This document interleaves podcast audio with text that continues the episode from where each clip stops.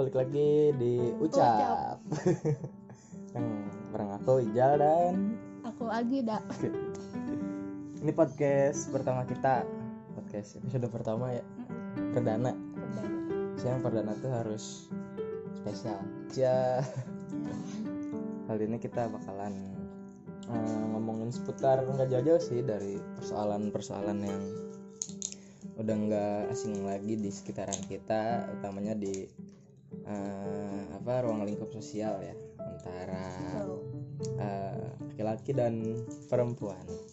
Penasaran kan? Sama Wow. saya juga penasaran. Heboh ya. jadi di episode pertama kita bakalan bicarain soal eh, ini ya lebih ke pandangan Islam terhadap perempuan. Tuh. subhanallah. Pertama Ustazah Agida Itu itu gitu. jadi kenapa kita eh, jadiin ini sebagai topik pembahasan? Kenapa? Karena em, masih dalam pembicaraan yang begitu hangat sih masalah ini tuh dari tahun ke tahun. Dan juga emang nggak berhenti gitu loh dan kemarin juga kan karena IWD International Women's Day dan itu jadi ngangkat lagi isu ini tuh Oke, selain itu karena emang ini adalah persoalan yang fundamental ya sifatnya, yang maksudnya tuh yang ini tuh apa penting gitu untuk didiskusikan gitu. Dan nanti kan harapannya setelah didiskusikan kita bakalan dapat eh, pemahaman-pemahaman baru, wacana yang lebih adil tentunya mengenai relasi sosial antara laki-laki dan perempuan begitu. Oke deh, kayak eh, tadi udah dijelasin ya kenapa lalu eh, ada beberapa pembahasan yang bakalan kita bicarakan selama beberapa waktu ke depan mengenai eh, persoalan bagaimana Islam memandang perempuan. Pertama, pembahasan pertama ada di eh, berawal dari pertanyaan. Kamu dulu ya, kamu dulu, kamu dulu. Jadi gini, jadi gini. Aku mau nanya nih, Agida. Ya, Agida. Hmm, gimana sih kalau apa opini kamu, pandangan kamu mengenai kedudukan atau peran perempuan dalam Islam itu kayak gimana? kedudukan dan peran perempuan dalam Islam. Benar dalam Islam. Yoi. Bagiku uh, kedudukan dan kedudukan perempuannya dulu ya. Kedudukan perempuan di dalam agama Islam itu sebenarnya ya seorang manusia sih karena memang eh, nyatanya di dalam Al-Qur'an pun ih, di dalam eh, kitab agama Islam yaitu Al-Qur'an juga tidak ada maksudnya tidak ada perbedaan yang begitu signifikan ya. Maksudnya gitu dalam arti kedudukannya loh. Kedudukannya sama-sama manusia. Itu ada di Quran surat oke. Itu ada di Quran surat Al-Ahzab ayat ti- 35 kalau misalnya memang kedudukan wanita itu sebenarnya dinilai sama dengan seorang pria gitu.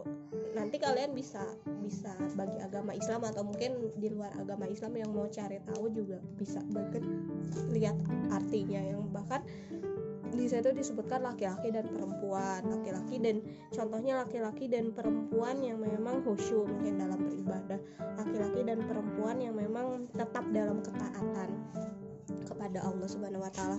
Dan hal itu kita apa ya bagiku menjadi sebuah sebuah bukti yang nyata sih kalau misalnya memang kedudukannya itu sama gitu.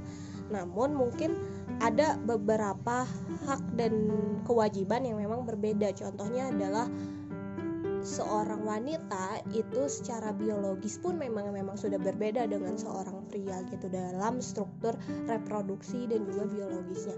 Tapi eh, ya termasuk apa namanya peran perempuan itu sendiri. Kayak misalnya perempuan itu kan secara biologis dia mengandung kan Mm-mm. dan juga melahirkan anak dan selain itu juga perempuan bisa menyusui gitu. Nah, mungkin itu yang menjadi pembeda antara laki-laki dan itu menjadi tugasnya wanita sebenarnya. Tapi di dalam membangun atau mendidik anak tentu itu tugas keduanya hanya saja untuk misalnya untuk melahirkan dan untuk menyusui eh, ASI pertamanya kan itu dari seorang perempuan. Seperti itu. Oke, ya. Menarik ya. Kalau eh, iya sebetulnya sama apa opini yang bakalan aku sampaikan juga. Nah, aku mau nambahin beberapa sih. Lebih ke sebenarnya selain dari surat Al-Hajab tuh ada di eh, Quran surat Al-Tahrim ayat 11 sampai 12. Situ tuh penjelasan bahwasanya ya perempuan tuh bukan apa perempuan tuh bahkan eh, kalau secara kedudukan ya Hmm. eh, punya otoritas buat nentuin pilihan-pilihan pribadinya. Iya, kayak misal eh, apa itu tuh kalau dalam bahasa Arabnya disebut al istiqlal as yang ini tuh diyakinin banget kebenarannya meskipun harus berhadapan dengan suami bagi perempuan yang udah berkeluarga. Nah jadi si peran perempuan tuh tetap punya kedudukannya sendiri. Itu sama gitu di dalam apa namanya di dalam di dalam relasi hubungan antara suami dan istri pun perempuan punya haknya untuk menentukan. Dan apa selain itu juga kan ada di Quran surat At-Taubah ayat 71 nah kalau di situ tuh dijelasin bahwasanya eh, di dalam ayat itu menentang paradigma masyarakat yang merugikan dan menyuarakan kebenaran dengan tindakan oposisi terhadap berbagai hal yang memicu kehancuran termasuk di dalamnya adalah pemisahan peranan perempuan dari ruang-ruang sosial. Iya, itu tuh di iya Islam pun tentang ternyata ke hal-hal yang bersifat apa superior apa kayak patriarki. nggak boleh. Nggak boleh. Itu kan selain itu kalau kita bicara soal kedudukan ya sebenarnya banyak perempuan-perempuan muslim yang punya kedudukan tinggi gitu. iya banyak, banyak banget dari ketika zaman Rasul. Sallallahu Alaihi Wasallam pun ya banyak banget ya termasuk istri Rasul kan Iya. termasuk istri Rasul Eh, apa banyak eh, istri Rasul yang apa namanya istri Rasul tuh menjadi perempuan yang sukses pada zamannya kayak Anaknya misalkan juga. cerdas kayak Aisyah gitu kan Khadijah itu semua representatif daripada apa namanya ketika tadi pertanyaan bahwasanya kedudukan perempuan dalam Islam itu ya tinggi gitu sih nggak nggak di bawah laki-laki enggak Enggak, tapi enggak. tapi berbarengan Sama. melangkah berak bersama melangkah bersama. Sama-sama manusia. Nggak tahula-hula ya. udah kita udah ini ya beropini gitu mengenai hak apa kedudukan dan peran perempuan itu dalam Islam utamanya. Kalau sekarang mengenai hak dan kewajiban perempuan. Itu itu ba- banyak banget kan Iya, apa perdebatannya wow. Apalagi dikaitkan dengan agama. Apalagi agamanya Islam. Masih banyak banget perdebatan perdebatan hingga hari ini. Kalau aku sih simpel sebetulnya ketika membicarakan hak dan kewajiban perempuan ya di hadapan pertama kita ini dulu ya kita urai itu bahwasanya perempuan adalah bagian dari manusia dan otomatis ketika beliau seorang muslim otomatis dia adalah hamba. Dan di hadapan Allah setiap makhluk itu adalah hamba. Dan di hadapan sesama makhluk setiap makhluk itu adalah setara. Iya nggak ada yang lebih tinggi dan lebih rendah. Tapi yang bedain itu kan hanya apa ketakwaan. Gitu. Mm-mm. mungkin pernah tahu ya apa eh, kamu juga pasti pernah tahu kayak ada ayat lupa lagi aku di surat apa. Yang menjelaskan maksudnya tidaklah aku menciptakan jin dan- manusia selain hanya untuk beribadah kepadaku. Tugas hak dan kewajiban apa manusia itu termasuk perempuan juga. Karena perempuan sebagai dari manusia lo ya apa eh, itu kan hal-hal yang sebenarnya nggak nggak mesti diperdebatkan sebetulnya kayak dan hak dan kewajiban perempuan itu. tapi kan ada kayak misalkan pemahaman-pemahaman yang menjadikan perempuan itu ada pada apa di apa ya istilahnya disubordin disubordinasikan gitu jadi ada peranan peminggiran atau marginalisasi terhadap perempuan misalnya perempuan itu nggak boleh kerja di luar rumah. Iya. perempuan itu udah harus ngurusin rumah. Suka ingin ketawa. iya suka ingin perempuan itu masak lu masak. Saya cari kerja saya cari uang semua cari uang. Nggak se nggak se se se, se- sempit itu. Gitu. perempuan itu punya gerak yang sama luasnya sama kayak laki-laki. Dan saya juga sebagai laki-laki nggak apa nggak mendukung kayak peranan apa ya pemikiran perempuan. Saya sangat apa istilahnya males sih kalau gitu. Ma- maksudnya apa nggak nggak nggak ini banget lah. Nggak nggak banget kayak gitu. Nggak ilmiah Iya, sih mm-mm. bagiku juga kan eh, ini ya kayak misalkan balik lagi ke tadi hak dan kewajiban perempuan gitu.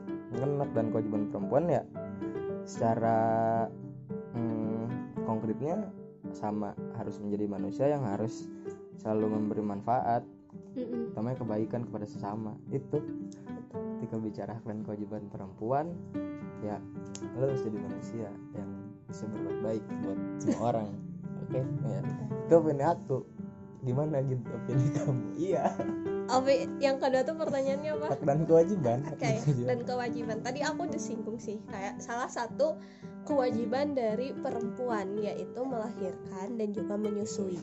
Itu merupakan sebuah kewajiban bagi seorang perempuan. Karena bagaimanapun seorang perempuan harus memberikan eh, istilahnya asinya ya gitu kepada itu bagian dari anak. pola asuh. Ya dan tapi kan ada juga memang sih ada beberapa yang tidak bisa di, memberikan asinya kepada anaknya ya karena mungkin faktor lain hal ya itu pasti eh, dia pun ingin cuman mungkin karena ada faktor lain yang menghambat yaitu di, merasakan si kesedihannya sebagai seorang perempuan juga.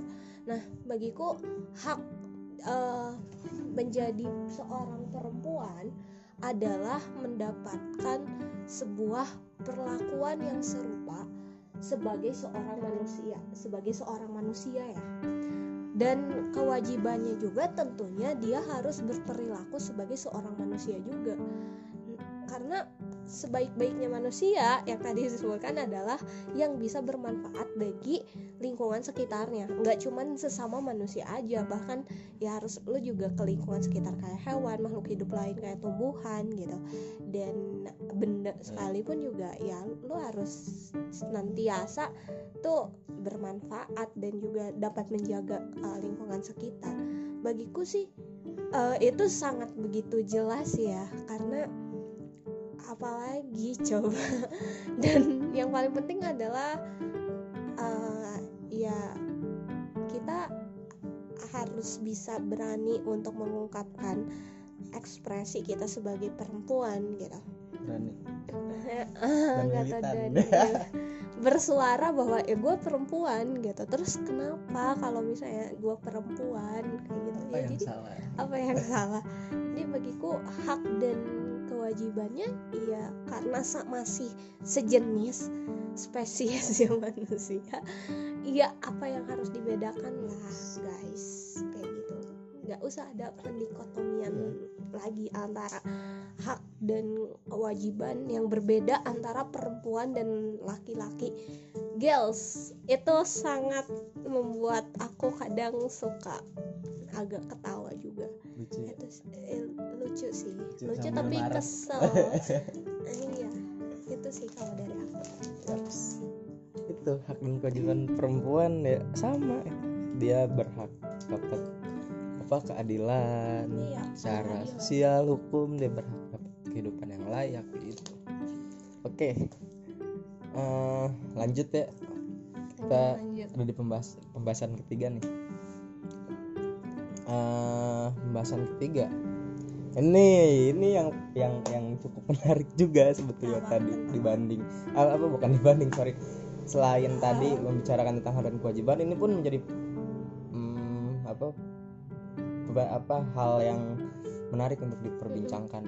Naik kepemimpinan perempuan. Oh, Nah, wow, wow, wow, wow. perempuan memimpin.